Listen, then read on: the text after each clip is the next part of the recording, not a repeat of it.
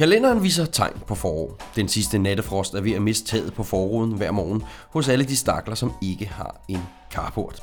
Selvom det er ved at være lidt tid siden, vi har udgivet en podcast, og specielt i Teach-serien, så har vi bestemt ikke ligget på den lade side. Vi har sammen gennem de mørke måneder udviklet vores eget lille kærlighedsbarn, nemlig Basal EKG. De første kurser, dem har vi nu afholdt, og vi har rettet en lille bitte smule til på baggrund af deltagernes super gode feedback. Men vi kan jo ikke hvile på EKG-lavbærene eller EKG-viden og slappe af, fordi det er nemlig tid til at fortsætte serien om de forskellige præparater, vi har med os ombord på ambulancen. Mit navn det er Karl Hø. Jeg hedder Morten Lindqvist. Og nu er det tid til Fomedic Pharma. Velkommen til Fomedic Podcast. Denne gang om kvalmestillende medicin.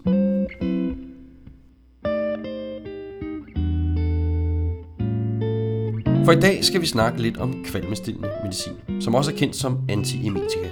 Altså medicamenter, der er tiltænkt at have en effekt på kvalme og opkast. Sidste programmet, så skal vi naturligvis også quizze, og det glæder vi os meget til, for det betyder, at vi også skal finde vinderen af den sidste quiz i farmeafsnittet om naloxon. Og der er nemlig en præmie på vej til den af jer, som svarede rigtigt på spørgsmålet. Husk, i også skal støtte Fomedic, hvis I går ind på hjemmesiden tier.dk. Der er det altså muligt at støtte med et beløb øh, per episode, vi laver af vores Fomedic podcast. Men Morten, lad os komme i gang med det, det hele handler om, nemlig Fomedic Pharma om ondansetron. Disclaimer. Det her er vores fortolkning af det pågældende medicament. Det er ikke den endegyldige sandhed, og vi opfordrer som altid til at være kritisk over for den viden, man hører, og selv tjekke op på relevant viden og fakta.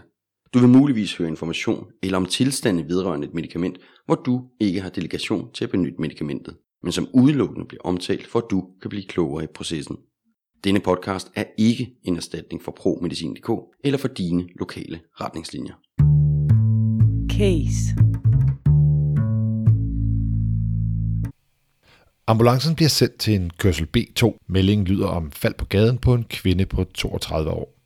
Adressen er Klosterbakken 5, Odense C. Din marker fortæller, at øh, det er nede ved Idrætsparken, lige ved svømmehallen. I ankommer til indgangen til svømmehallen, hvor der er flere venlige sjæle, der har hjulpet kvinden op på en stol i forhallen. Mens I går tættere på, kan I se, at hun er vågen, og hun taler til folk omkring sig. Ved første kontakt ses en kvinde, som ikke virker akut påvirket. Hun klager over svimmelhed og fortæller, at hun er faldet på vej ned ad trappen. Hun er tydeligt påvirket, bange og ked af det. Hun tager sig til maven og fortæller, at hun er gravid, og spørger, om der måske kan være sket noget med barnet. I får skabt ro på omgivelserne, og kvinden øh, får tid til at forklare, hvad der er hendes primære klage. Hun fortæller, at hun har lidt ondt i hovedet, og hun er svært forkvalmet. Hun nævner, at hun var svimmel og stadig af det, og at hun ikke har fået drukket nok de sidste par dage, samt at der var virkelig, virkelig varmt inde i omklædningen. Hun spørger efter en pose, fordi hun føler, hun skal kaste op. I rækker hende en opkastkapsel og går så i gang med jeres objektive undersøgelse. Den viser, at hun er vågen og relevant, hun taler frit og trækker vejret helt normalt. Der er ikke nogen klager eller tegn på åndenød eller anden anstrengelse ved vejrtrækningen.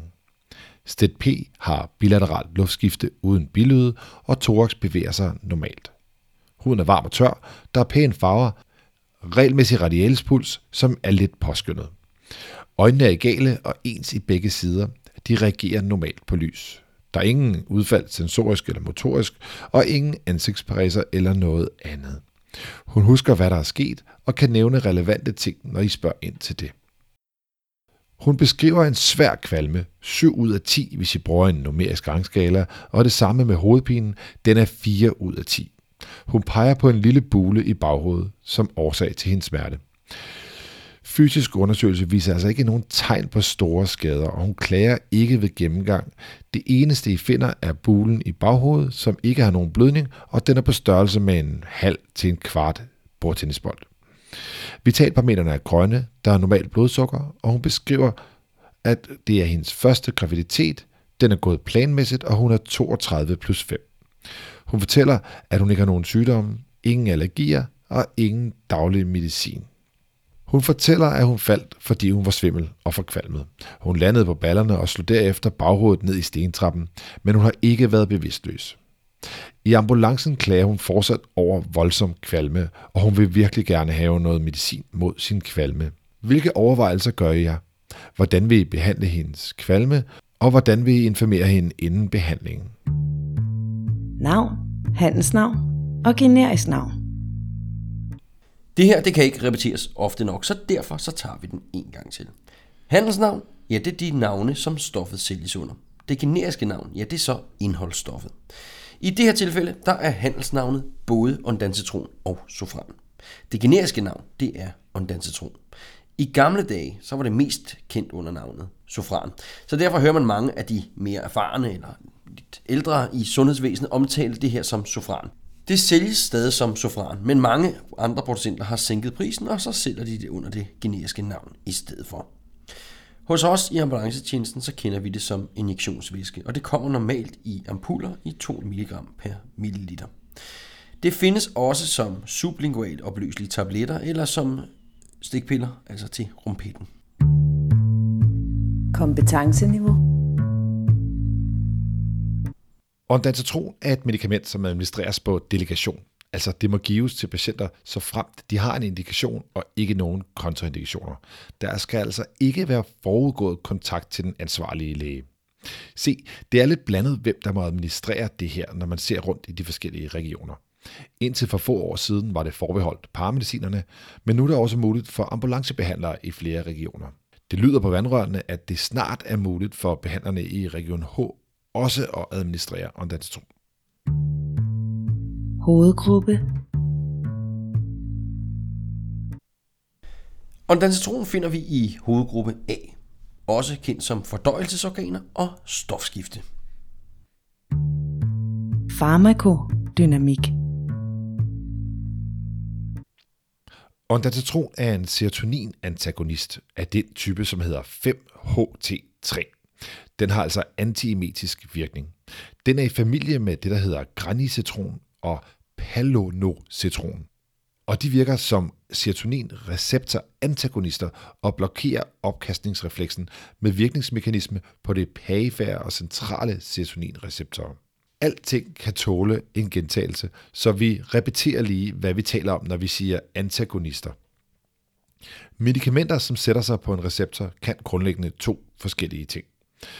Den kan enten påvirke receptoren, så den aktiveres og har en eller anden handling. Det er det, vi kalder en agonist. Eller den kan som i det her tilfælde være en antagonist. Det vil sige, den sætter sig på receptoren og blokerer. Den blokerer således for, at andre agonister kan sætte sig på receptoren og aktivere den.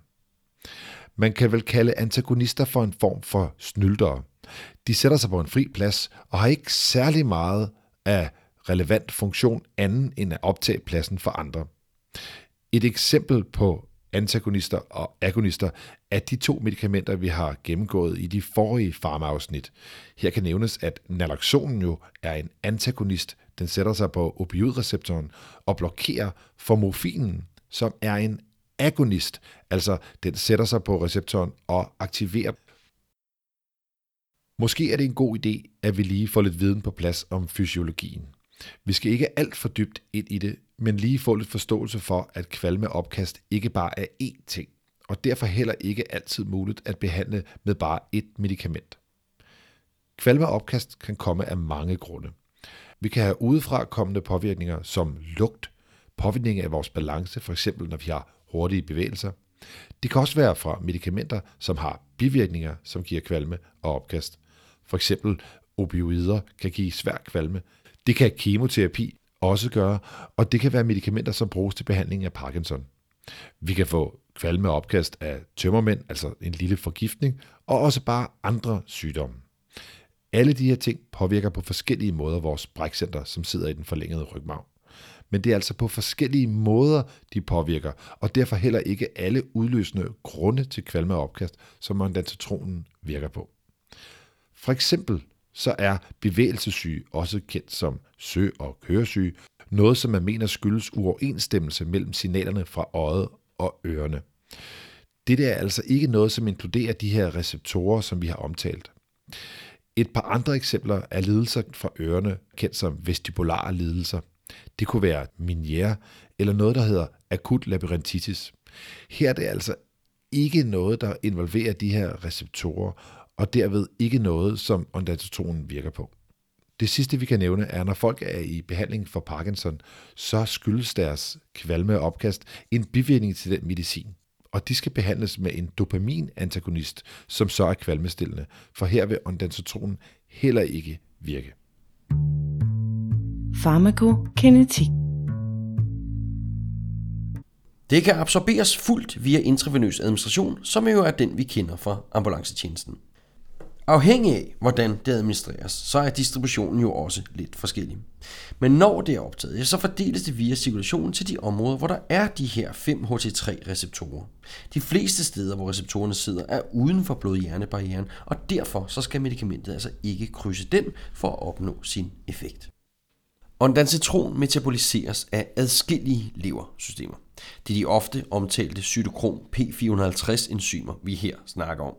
På grund af mangfoldigheden af enzymer, som kan metabolisere ondansetron, så bliver enzymhæmning eller nedsat aktivitet af et enzym normalt kompenseret for af andre enzymer, og bør kun resultere i en lille eller i hvert fald en ikke signifikant ændring i den totale ondansetron clearance. Indikation. Går man ind på medicin.dk, jamen så beskriver den to forskellige indikationer. Kvalme og opkastning er forårsaget af medicinsk kraftbehandling eller strålebehandling som den ene, og så profilakse og behandling af postoperativ kvalme og opkastning. Kigger vi i vores egne instrukser, jamen så er det også lidt forskelligt afhængig af hvilken region vi kører i. Men generelt så er der en bred indikation, som fortæller os, at hvis vi har en patient med behandlingskrævende kvalme og eller opkastning, jamen så kan vi give det. Der er nogle regioner, hvor profilaktisk behandling med ondansetron er direkte kontraindikeret. Dosis. Når vi kommer til dosis af ondansetron, så skal der gives 4 mg ondansetron IV langsomt til alle voksne. Læs jeres instrukser for at finde ud af, hvor grænserne ligger for voksne, for nogle regioner beskriver, at det er over 16 år, og nogle siger over 18 år. Den vigtige pointe her med administration er, at den skal gives langsomt IV. Til børn er dosisen 0,1 mg per kilo, dog maks 4 mg. Men her er der også forskellige intervaller for, hvornår man er barn, må man give til under 2, må man give over 2, og hvornår skal man klassificeres som voksen. Så I skal ind og kontrollere jeres lokale instruks. Vedrørende genbehandling kan vi sige, at vi har brugt rigtig meget tid på at researche, og det bedste sted at finde information om det her i Danmark, synes jeg, er at gå ind og kigge på DASIM, altså det selskab, der er for intensiv medicin og anestesiologi, hvor de har lavet en litteratursøgning på emnet. Og der beskriver de, at der er ikke nogen god evidens for at gentage behandlingen, altså give yderligere 4 mg og komme op på de samlede 8 mg. Som supplement kan jeg informere om, at det også godt kan administreres intramuskulært. Det kan også nævnes, at skal du give det til børn i meget små doser, kan det være en god idé at fortynde det op, og der må du gerne fortynde ondansetron med din normale isotoniske saltvand, som du har i ambulancen. Bivirkninger.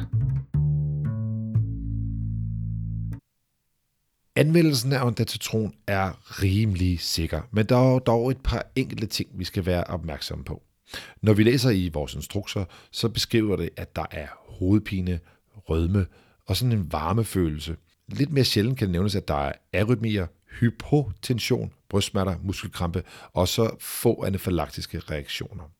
Men som en af de vigtigste bivirkninger er det at nævne, at brugen af ondansetron kan forlænge dit QT-interval.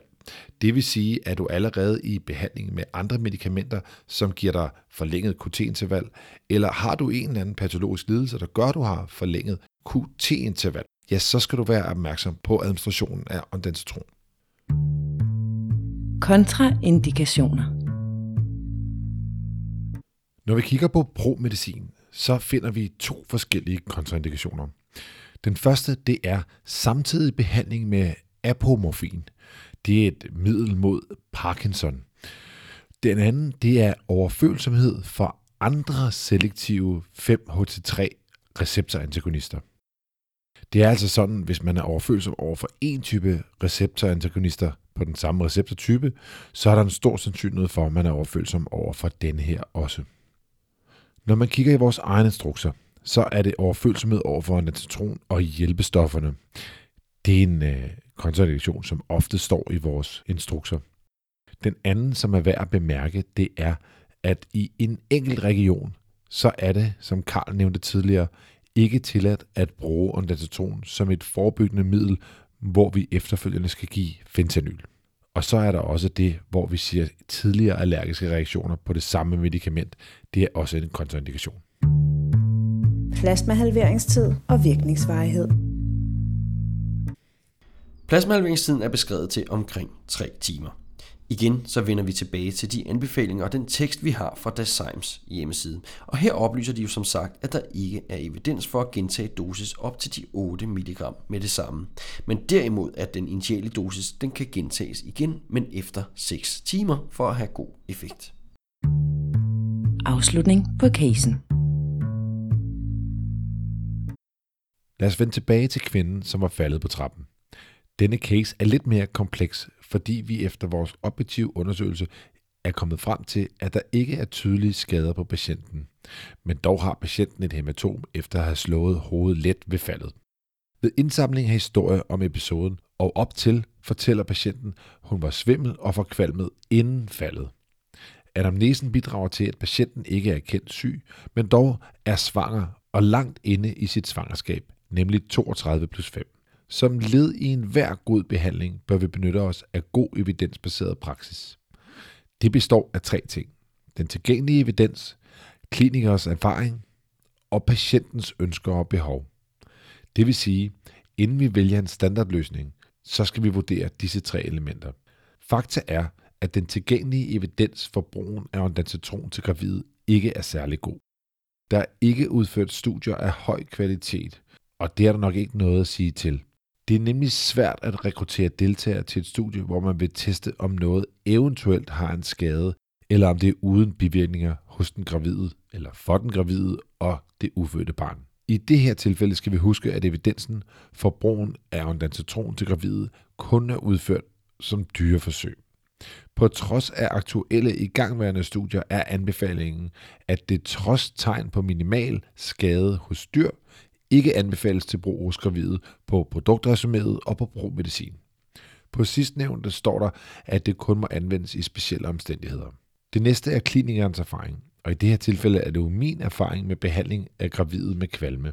Her må jeg oprigtigt sige, at jeg ikke er særlig erfaren. Den viden, jeg har, kommer fra en anestesilæger, jeg arbejder sammen med, som nævner deres erfaringer fra operationsgangen. Derfor er jeg udfordret med den del af den evidensbaserede medicin. Den sidste del er patientens ønsker og behov. Patienten var forkvalmet før faldet og har muligvis været det som en del af sin graviditet. Hvis det er tilfældet, kan det diskuteres, om det er en indikation for behandling i ambulancen, hvis der ikke er en anden risiko, såsom nedsat bevidsthed, behov for ventilation eller anden luftvejshåndtering. Jeg har forståelse for patientens ønsker og ved, at det er helt forfærdeligt at være forkvalmet. Hvis jeg vurderer, at det ikke er slaget mod hovedet som er årsagen, og det er gået forud for denne episode, vil jeg lade det være op til lægerne på akutmodtagelsen, da jeg ikke mener, at der er god evidens for det. Min erfaring og viden er sparsom, og patientens behov kan diskuteres, for er det en grundlæggende tilstand i forbindelse med svangerskabet, eller er det egentlig noget akut grundet faldet? Derfor vil jeg vælge at afvente med behandling og transportere patienten med massiv mængder af opkastposer i baghånden og eventuelt konferere med MK-lægen for indspark og eventuelt andre løsninger.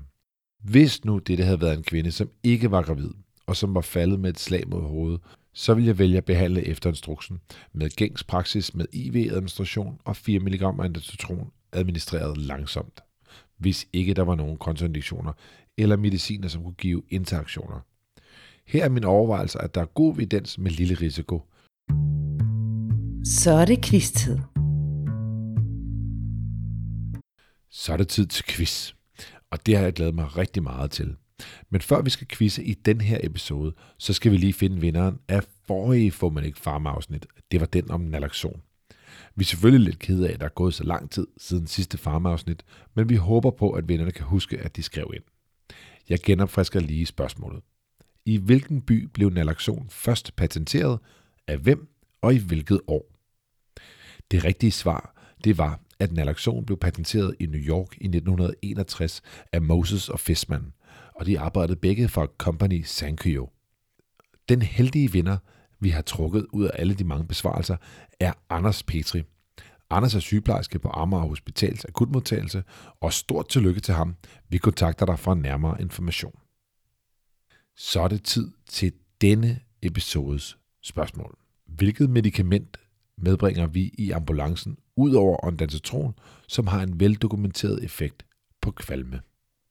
Hvis du kender svaret på det her spørgsmål, så send os en mail på fomedic.org gmail.com og marker den i emnefeltet quiz. Så trækker vi en vinder i næste episode af Fomedic Pharma.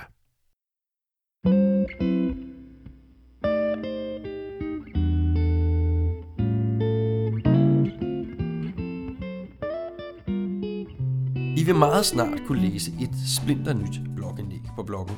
Denne gang der har vi været så heldige at få fingrene i en ny gæsteblogger. Det er nemlig vores gode ven, parmesiner Kasper Skudskov.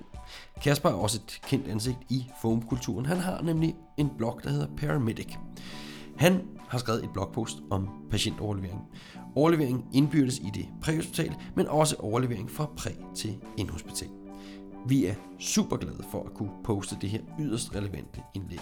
Og sidder du derude og tænker, at du godt kunne tænke dig at dygtiggøre dig og dykke ned i et eller andet bestemt emne, og måske endda beskrive det, så andre også kan lære noget, ja, så søger vi altid efter gæsteblogger her på siden.